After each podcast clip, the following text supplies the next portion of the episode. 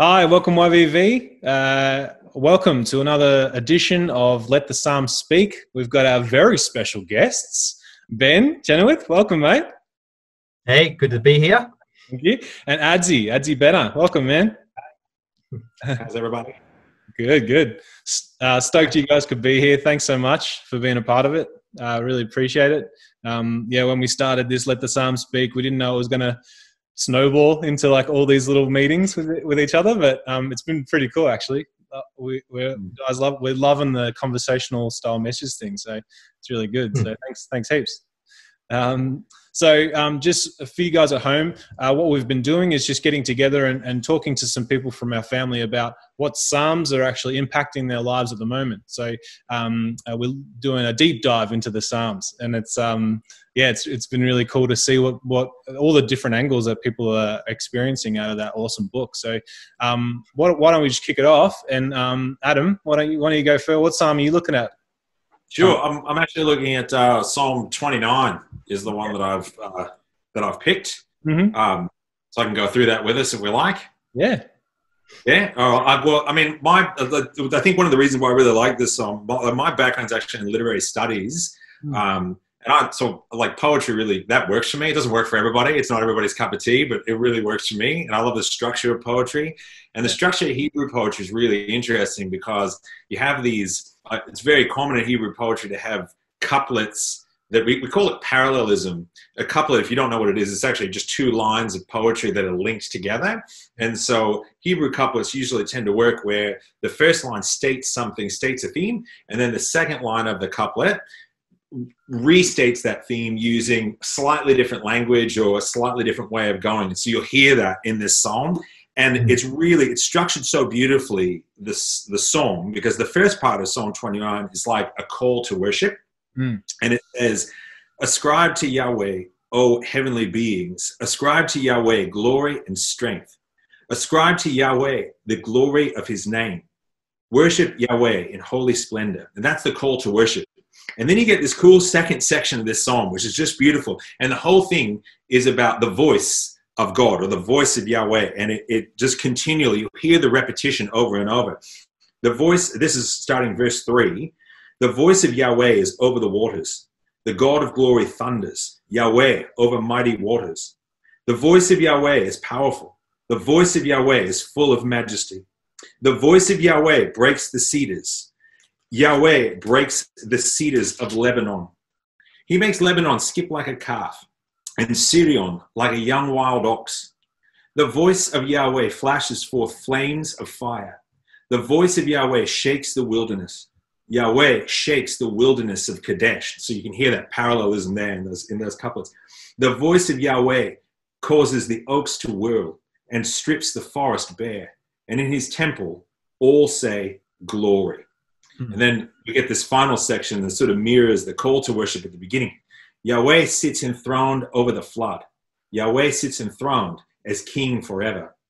May Yahweh give strength to his people. May Yahweh bless his people with peace. And it's a nice, it's just a lovely, tight little song. Mm. Uh, it's so worshipful. Uh, and it's just so beautifully constructed. I just love the poetry in it. And that's that's one that speaks. There's a lot of songs that speak to me, um, but just in actually preparing for this and sort of reading through some of the ones that I knew better than others, that one kind of stuck out, and that's why I, that's why I opted for it uh, to kind of read through it. Um, I think it sort of speak, almost speaks for itself, doesn't it? But we'll talk we'll talk more about it a little later. Yeah, it's beautiful. Actually, it was funny when I did this with a couple other people. It's haven't it hasn't gone out yet, so I won't say who. But um, we were talking about the voice of God, you know, and and the mm. literally the the the spoken word of God um, and, and, and the power of it, you know. And that Psalm's just absolutely beautiful. Yeah. yeah. Thanks, Ads. That's great. Yeah. So what Ben? Uh, what's uh Ben? What's your what's the song that you uh decided to kick on with? Well, it's a good contrast. Um, I've chosen a psalm from uh, later on in history. So that was a, a psalm of David, according to its um, ascription. Um, this one uh, is a psalm that comes from a, a much later period, uh, Psalm 137. Um, so this is uh, seen sort of as a, a, psalm of exile, uh, but there's a very interesting word in here. Uh, I'll get to it when we get to it in verse two and three. It says there, and so when we get to that verse, you'll realize that it's actually not a psalm that was written in that context. It's it's actually been written later, reflecting back on the exilic experience. Um, and so, yeah, I think that um, brings out just a little bit of something which, yeah, we'll, we'll see it in a sec. And the other thing you'll know from this psalm, of course, is the Boney M song. Um, by the rivers of Babylon. yeah, that's the that's this one. Uh, it's very very hard to get that out of your head. Um, and when I start reading it, you'll you'll you'll start singing it practically. Um, but it's interesting. They really only dealt with the first couple of um, verses in the psalm. They didn't go very far, Mm. um, and there's probably a good reason for that. Once we get to verse uh, nine, you can see why you wouldn't put that in a pop song. So I guess you should, um, should read it. Psalm 137, um, NIV translation. Yeah. Uh, by the rivers of Babylon, we sat and wept when we remembered Zion. There on the poplars, we hung our harps. For there, our captors asked us for songs. Our tormentors demanded songs of joy. They said, Sing us one of the songs of Zion. How can we sing the songs of the Lord while in a foreign land? If I forget you, Jerusalem, may my right hand forget its skill. May my tongue cling to the roof of my mouth if, if I do not remember you, if, if I do not consider Jerusalem my highest joy. Remember, Lord, what the Edomites did on the day Jerusalem fell. Tear it down, they cried. Tear it down to its foundations. Daughter Babylon, doomed to destruction, happy is the one who repays you according to what you have done to us. Happy is the one who seizes your infants and dashes them against the rocks. yeah, verse nine. Right. You don't, you don't get that um, in a pop song. No. Um, interestingly, when the Sons of Korah sang this song, um, their version is beautiful, really beautiful. And then right at the end of that, they sort of the guy I've, I've spoken to Matt Jacoby. Let me name drop a bit, and I Mm. don't. I know he talks about that last um, that last verse, and they they couldn't avoid it. They had to put it in. Um, so he sort of fudges it a little and says something or other about progeny and and and maybe that's because it rhymes with something I can't remember. But you know, you're sort of left feeling, what was they say? What were they singing? What were they saying? But Mm. it's very clear. Happy is the one who seizes your infants and dashes them against the rocks, and that's where this beautiful psalm ends. Mm. Um, so this is a psalm about remembering. Um, that's the key word that that, that is following um, the, right the way through this psalm. So uh, it starts where we're in Babylon, or at least we're remembering the time when we were in Babylon, um, and we remembered Zion. Zion's just a fancy word for Jerusalem. And then our captors said, "Sing a song of Zion." Well, since you're thinking about Zion, sing a song about Zion. But then, how could we do that in a foreign land? Verse 5 If I forget you, Jerusalem, may my right hand forget its skill. So, this is the opposite of remembering. Um, we don't want to forget what happened to Jerusalem. Um, and, and so, I would rather forget how to play the harp or the piano um, than than forget Jerusalem and what happened to Jerusalem. Now, as a piano player, I don't want to be able to don't want to forget how to play the piano. It's it's such an integral part of me and my my music and my worship. I worship when I'm playing piano, Yeah. uh, and and you can I can so imagine this guy going, oh, I want to sing the songs of Zion. I want to get my harp and play it and sing those songs, but how can I do that? They're songs of joy, and we are in exile. Yeah. Right. Um, and so, verse six, um, I, I don't even want to sing. I, I want my my tongue to cling to the roof of my mouth. Um, if I don't remember Jerusalem, Jerusalem is is it's, it's in my thoughts. It's the only thing I'm thinking about. Hmm. Then there's a bit of a turning point because then um, the psalmist starts directing his um, remembrance pleas to God.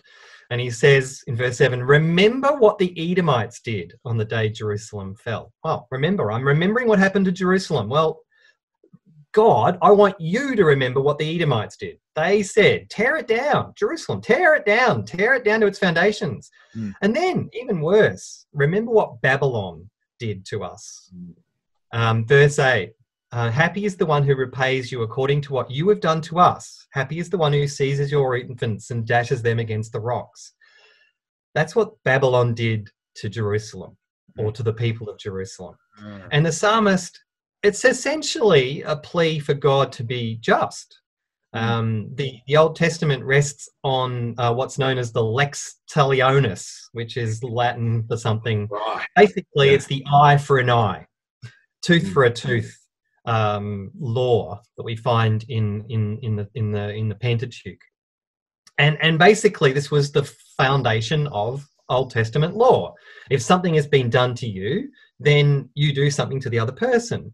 And that eye for an eye um, isn't supposed to be um, a bad thing. It's actually putting a limit on it. It's like saying, you know, if someone has poked out your eye, well, then you are allowed to poke out their eye, but you're not allowed to poke out both eyes or chop off an arm or kill them. That would be I'm too much. yeah, I'm glad you said that, Ben, because a lot of people look at the Lex Talionis as, as a thing that, I mean, obviously it's in the New Testament we see something different, but a lot of people look at that as like, oh, isn't this a terrible, awful thing? But really, it is saying you can't do more than like, if somebody takes something from you, you can't do more than that back to them. They're trying to break that cycle of vengeance that just Yes. continually goes round and round, doesn't it? Yeah. Mm. Yep, yep. That's right. It, and and that limit was actually the new thing that um, that the Old Testament law uh, brings in in comparison to what was going on in a lot of the countries around that time in that in that sort of context. Mm. So this is this is the psalmist's plea. It's like he's he's saying, um, "I remember Jerusalem. I remember what happened to Jerusalem, and God, I want you to uh, honor your justice by doing um, the same to, to to what Babylon did to us." Mm. Um, now, look, that's a bit of a, you know, a bit of a downer sort of um, uh, uh, psalm. Um, uh, but I think once we get into that second part of our discussion, when we talk about sort of some applications, um, I think I've I've got a, a good way of approaching it. Yeah, Mm. well, that's that's great. Well, so what you're talking about, Ben, to everyone listening at home, is what we're doing is uh, Di's coined a term, uh, message momentum. So what we're doing with these "Let the Psalms Speak" talks is where we're going full circle and we're asking um, people who have ex- uh, expressed these psalms to to add a little. Uh, uh, um, applicable end to it. So some something that we can apply to our lives to make these talks go a little bit um, more closer to home. So what these guys have done is they've they've they've looked at that and they're and they're going to share. We're going to share a little bit more. We're going to talk a little bit more about how we can apply these things to our lives, and you know maybe we might delve a little bit more into why you've picked these particular psalms, and um, and we'll go from there. So yeah, jump into it. Ads, what, what why why'd you pick that one? Yeah, sure. Um, like I said, look, um, it, there's lots of songs can jump out at you at any time. I mean, you know, you read, you start reading through. There's a lot of ones that speak to you, but I think this one speaks to me because it's. I, I tend to I like the songs that are about God and are, are just very worshipful. Um, I contrast that. And this isn't to be look, and not to be snarky or anything, but a lot of times we get you know certain worship songs today.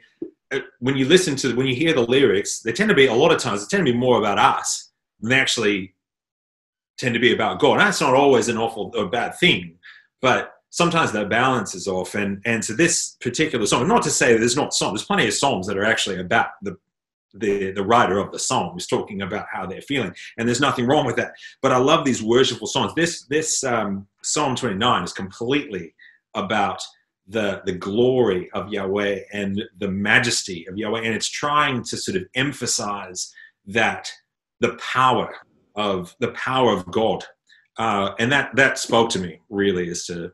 Um, Mm. do you want to keep going with the application, or do, or do Oh, yeah, yeah, yeah. Look, how, how do you see it? Yeah, applying to every day. Like, how do you apply this? Well, we, you know, with the Psalms, I'd put this caution in because I think with the Psalms, we need to be very careful about just simply reading a psalm and then extracting theology from from a psalm. We have to remember that psalms psalms are poetry, and I mean, I'm sure Ben will probably talk about this with his particular psalm cho- psalm choice as well. Psalms are poetic verse, and so they're very cultural. they're very metaphorical, and we don't want to we don't want to just read a psalm and say, okay, here's what it says. That's what that's absolutely what God is like. We need to make sure that we're always taking a psalm and reading it through the lens of, of Jesus, because it's Jesus who shows us what God is really like. And I, I just put that caution out there. But this Psalm 29, there's some warrior imagery. Uh, there's there's some sort of almost I feel like there's some destructive imagery in there that's ascribed to God. Hmm. And we obviously we want to be careful with those. But if we look at the big picture of the psalm, there's a lot of stuff in the psalm that just speaks of the majesty of God. And I love the whole section about uh, Yahweh's voice, and it talks about the power of Yahweh's voice and we can sort of relate to that, I think, because we're, we're, we're trying to listen to the voice of God on a day to day basis, aren't we? And trying to listen to the voice of the Spirit. So when we get this psalm about the voice of Yahweh, I think, though, rather than being that sort of still small voice that we often think of, this is a psalm about the power of Yahweh's voice and the strength of Yahweh's voice. And to me, I guess for application's sake, um, what struck me, and I want to say this as delicately as I can, I think sometimes we we've been pretty cautious in especially recent years with uh, images of God, and we, we're trying to move away from those sort of fearful, um, what would I say, judgmental, wrathful images of God, right? Mm. And and and that's well and good, and we should temper those images. Mm. And so we've been, you know, we've been trying to move away from images like that, but we can, unfortunately, we can balance the wrong way to the other side and get to the point where God becomes this sort of doting grandfather hands out lollies and sweets and just does all these nice things for us. And we can forget that God is someone to be like, this is a psalm in which Yahweh, in which God is taken seriously. Like, he is no one to be trifled with. Hmm. And I think that's something that we could sort of balance our way back to the middle a little bit to where we say, no, we don't want those wrath, we don't want those scary images of God. Mm. Uh, we don't want those violent images of God. That's not what we see in Jesus. We don't want those violent images, but we also don't want those images of God that are just like the doting grandfather and oh, isn't he nice and isn't he sweet and isn't he lovely? Yeah. We, we want to be able to balance and say, yes, he is merciful, he is good, he gives good gifts to us, but he is also someone to take, someone we should take seriously, someone with power, someone with authority, someone with sovereignty. And that's the way this Psalm 29 speaks to me. It's awesome. Just a measure of fear, like that. You know that that fear of God we talk about. We, you know, yeah. it, it's invaluable. Like it really yeah. is. Yeah. Um, no, that's awesome. That's thank you. That's great. Um, what about you, Ben? Do you have something that you can add? Yep. Yep. Um, so Psalm 137 um, is often referred to as um, an imprecatory psalm. Um, imprecatory is a bit of an old word, and I even had to make sure I was pronouncing it right by looking it up. And yeah, I think I've got it, at least for Australian. Um, basically, calling down destruction on one's enemies. Right. And uh, there's a few in Psalms. In fact, Psalm 139, which everyone loves, um, you know, you knit me together in my mother's womb, fearfully, wonderfully made, blah, blah, blah. If you keep reading, there's a bit at the end where David calls down imprecations on his enemies. Yeah. Um, so you know that that um, that psalm takes a bit of a bit of a sideways turn. Um, so it, it, got me thinking about um, you know enemies. Now look, we don't really have enemies these days, or at least I don't know that it's a very common experience for people to have enemies. Yes, yes, discussions on Facebook can get a little bit heated. Um, you know, political uh, polarity, you know, some, sometimes, but you don't really necessarily see them as enemies as such. Mm. Um, I do have a, um, a, a, friend at um, my work who has been in a horrible legal battle with his neighbor. And it sounds like, you know, it is completely, it's just completely a difficult scenario and it's horrible. And mm. that, that's an enemy. You know, this person is, is an enemy. Um, they are not being the least bit nice and consider it or whatever. Mm. Uh, But I don't have any of that. And so, you know, I see some sort of um, the imprecatory psalms and I think, well, if I don't have enemies, I don't need to worry about them. But I think there's another way of looking at these psalms, but particularly this one, Psalm 137, because of its context. Um, the fact that it comes in the context of exile, um, well, exile is something that we experience Mm. um, to a greater or lesser extent, you know, depending on our um, our situation. You know, so in some ways we could talk about um, work and uh, working from home, locked down five kilometers away from everyone else, whatever, as as an experience of exile.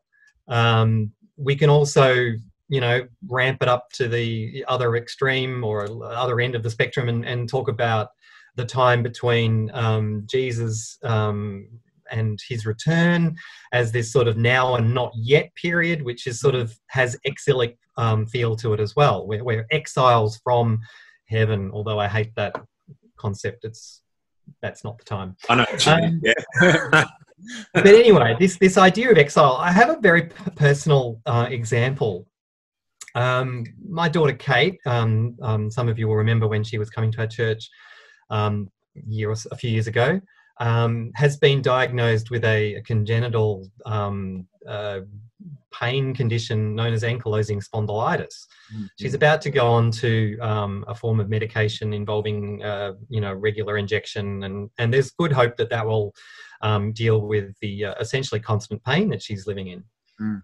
Um, well, she she just sort of was um, having friends tell her, you know, oh Jeremiah twenty nine eleven.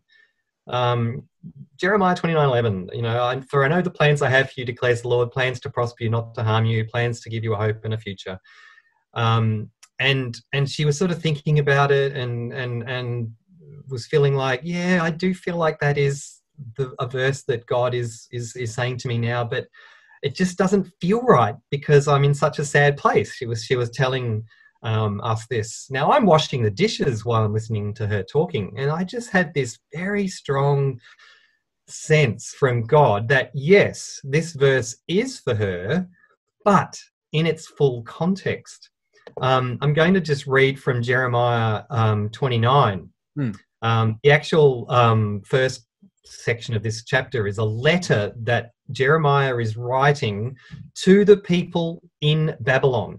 They've been taken into exile. It's like the first batch that have been taken from Jerusalem. There's still some people living in Jerusalem, um, but these people in exile in Babylon, um, and and Jeremiah writes to them apparently there were some prophets, some false prophets that were saying, "Oh, you're going to be back in Jerusalem, lickety split. Don't worry about it." Um, Jeremiah writes this. This is what the Lord Almighty, the God of Israel, says to all those I carried into exile from Jerusalem to Babylon Build houses and settle down, plant gardens and eat what they produce, marry and have sons and daughters, find wives for your sons and give your sons in and da- sorry, and give your daughters in marriage so that they too may have sons and daughters increase in number there, do not decrease. Also, seek the peace and prosperity of the city to which I have carried you into exile. Pray to the Lord for it, because if it prospers, you too will prosper. Yes, this is what the Lord Almighty, the God of Israel, says. Do not let the prophets and diviners among you deceive you. Do not listen to the dreams you have enc- you encourage them to have. They are prophesying lies to you in my name. I have not sent them, declares the Lord.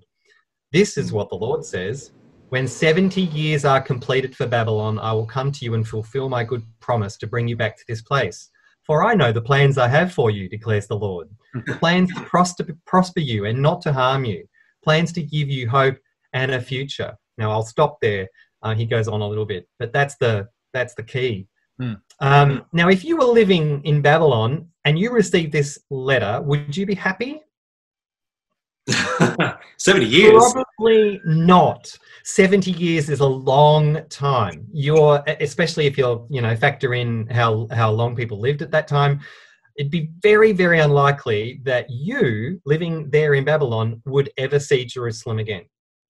Mm. And that is the plans that God has for them.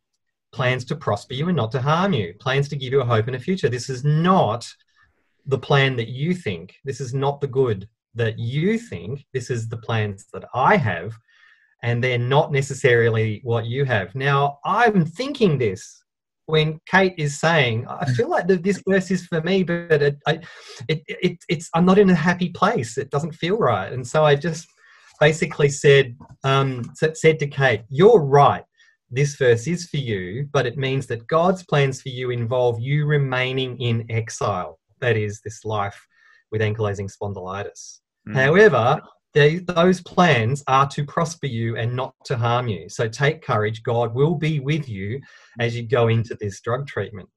Mm. Now, she was crying. I was emotional. Um, and we hugged. And then, and then she just basically felt a real peace about the situation. Mm. And look, I'm still praying for her that um, um, for a healing. Um, another aspect of Jeremiah's letter uh, speaks about that. After all, the, the, you know the the exile is going to come to an end. It's not permanent, um, but whether that means healing in this life or whether that means waiting for the new heavens and the new earth, I don't know. Um, and so, during this time of exile, this is when these sort of psalms, the, the, the psalms of lament, can can come into it. Yeah. So yes, God is with us, but in these difficult scenarios, in these difficult um, uh, situations. Um, and so yeah, I, I, feel like that then becomes another way to um, to pray these imprecatory psalms that you know we're calling down um, destruction on our enemies. Well, in Kate's case, the the enemy is this the sickness that she has. Yeah, that's it. And and so all of the emotion that comes out um, of those, you know, quite nasty, difficult psalms, um, then finds a natural um, place, I guess. Yeah. And so, yeah, we will continue to pray for her healing, and we will continue to stand with her um, as she's going through this this time yeah. of exile. Yeah. Um, but I just felt that, that was a a good way of of of dealing with these difficult psalms. Yeah, that's so that's so fresh, man. That's so fresh to hear that. Like, like you, you, I I I sympathize so much with with the situation that you guys are going through. Um, you know, because you guys know full well that we've had our you know problems with health, you know, for the last five years and stuff. So, um, when I when I hear that stuff and I hear that those psalms that seem so foreign, you know, those psalms to me seem so foreign. Like you said, I've never had an enemy in my life. You know, mm-hmm. I wouldn't wish, you know, chucking their kids off a cliff, you know, for, to, to, anything. But um, uh, but but to me, that's yeah, that's so fresh to hear. So thanks for that. Um, I'm I'm just hearing. Yeah, I mean, it actually links in with um, the end of the Bible, Revelation 20, where Satan, sin, and death are thrown into the lake of fire. Those are the enemy. The, the, even the text even says they the great enemies are dealt with. And then in Revelation 21 and 22, there is no crying, no pain. The mm. old order has passed away. Um, behold, yeah. all things are made new. Um, and that's the ultimate hope that we are looking for once the enemies, the, the true enemies, have been dealt with. Yeah, it's, it's um. I was thinking it's funny how you know, like talking in those terms, especially like by bringing. I love that you brought in the Jeremiah passage because that one is probably the most misused and misquoted verse among Christians. I mean, maybe one of them. Um, it's up but there. there's a there's plenty of them, but there's a, there's a, there's a certain comfort in there's a certain comfort in the communication from God that yeah, this is your situation and you're going to not not that god says i mean you know not that we stop praying or not that we stop asking for things but when god sort of communicates to us this is your situation and this is the situation i want you to stay in that mm-hmm. hurts but there's a certain amount of i, I find when that happens when i get those sorts of messages i think to myself well there's a comfort in the acceptance of it like okay like almost like if this is the situation then i'll you know, I ask God for comfort and peace in the middle of the situation. And actually, weirdly, I feel better. I feel better when I say, okay, if this is it, then I'll cop it, you know? Um, so I, I, quite like that. Yeah, that's cool. Um, it also links in with, um, just to bring in another passage, um, the opening chapters of Ezekiel. Um, where uh, Ezekiel has the vision of God um, on the throne with the wheels within wheels. Yeah. Very, very bizarre um, passage. But the idea is um, Ezekiel is in Babylon. He, he, he is by the river of Babylon and he has this vision of God. Mm. And God's throne is on wheels. It's like God was not limited to being constricted inside the temple. Mm. Um, he, he's with them in exile. Um, and so that's the the other great promise um, that I was sort of feeling applied to Kate as well. That you know he is with her in this situation, and then of course Emmanuel, God with us. Jesus is ultimately um, the ultimate um, sign of God with us, going through uh, what it means to be human, um, with the pain, suffering, sickness, death, the lot, um, and um, and knowing that uh, what we're going through and going through it with us. Yeah. And that's all. And that's all. And, and it feeds back into what Adam was saying, you know, like the formidability of God, you know, like, he- like he deserves to be feared, like he deserves to be revered. Um, Mm. you know, and he, and he is, and he is against our enemies. Like, you know, and we can broaden that corona, you know, like we can broaden that to, to, a, to a pandemic, you know, that's an enemy of ours right now. um, Yep. And yes, I'm loving this thread. Um, guys, I'm conscious of time. We have seven minutes remaining on the Zoom call. So uh, I've, I've really appreciated both what you've brought. Thank you so much again. It's just so good. Um, and Pleasure. Glad to be here with you. Yeah, really appreciate it. And it was great to catch up. I haven't seen you guys in yonks, and I've been missing. Yeah. I've been missing playing with you guys. Actually, I was thinking this morning. Can't, can't Yeah. wait to get together and jam a bit. Oh. Yeah. Um, all right, guys. Well, we'll call it there. And um, and uh, again, thank you very much, uh, guys at home. I hope you've enjoyed it. Uh, you've Mm. had two of the best minds at YVV on your on your TV. So hope Oh, you've enjoyed it. and um, and until next time, guys. We'll see you next time. All right. See All right. everyone. See ya. Bye bye.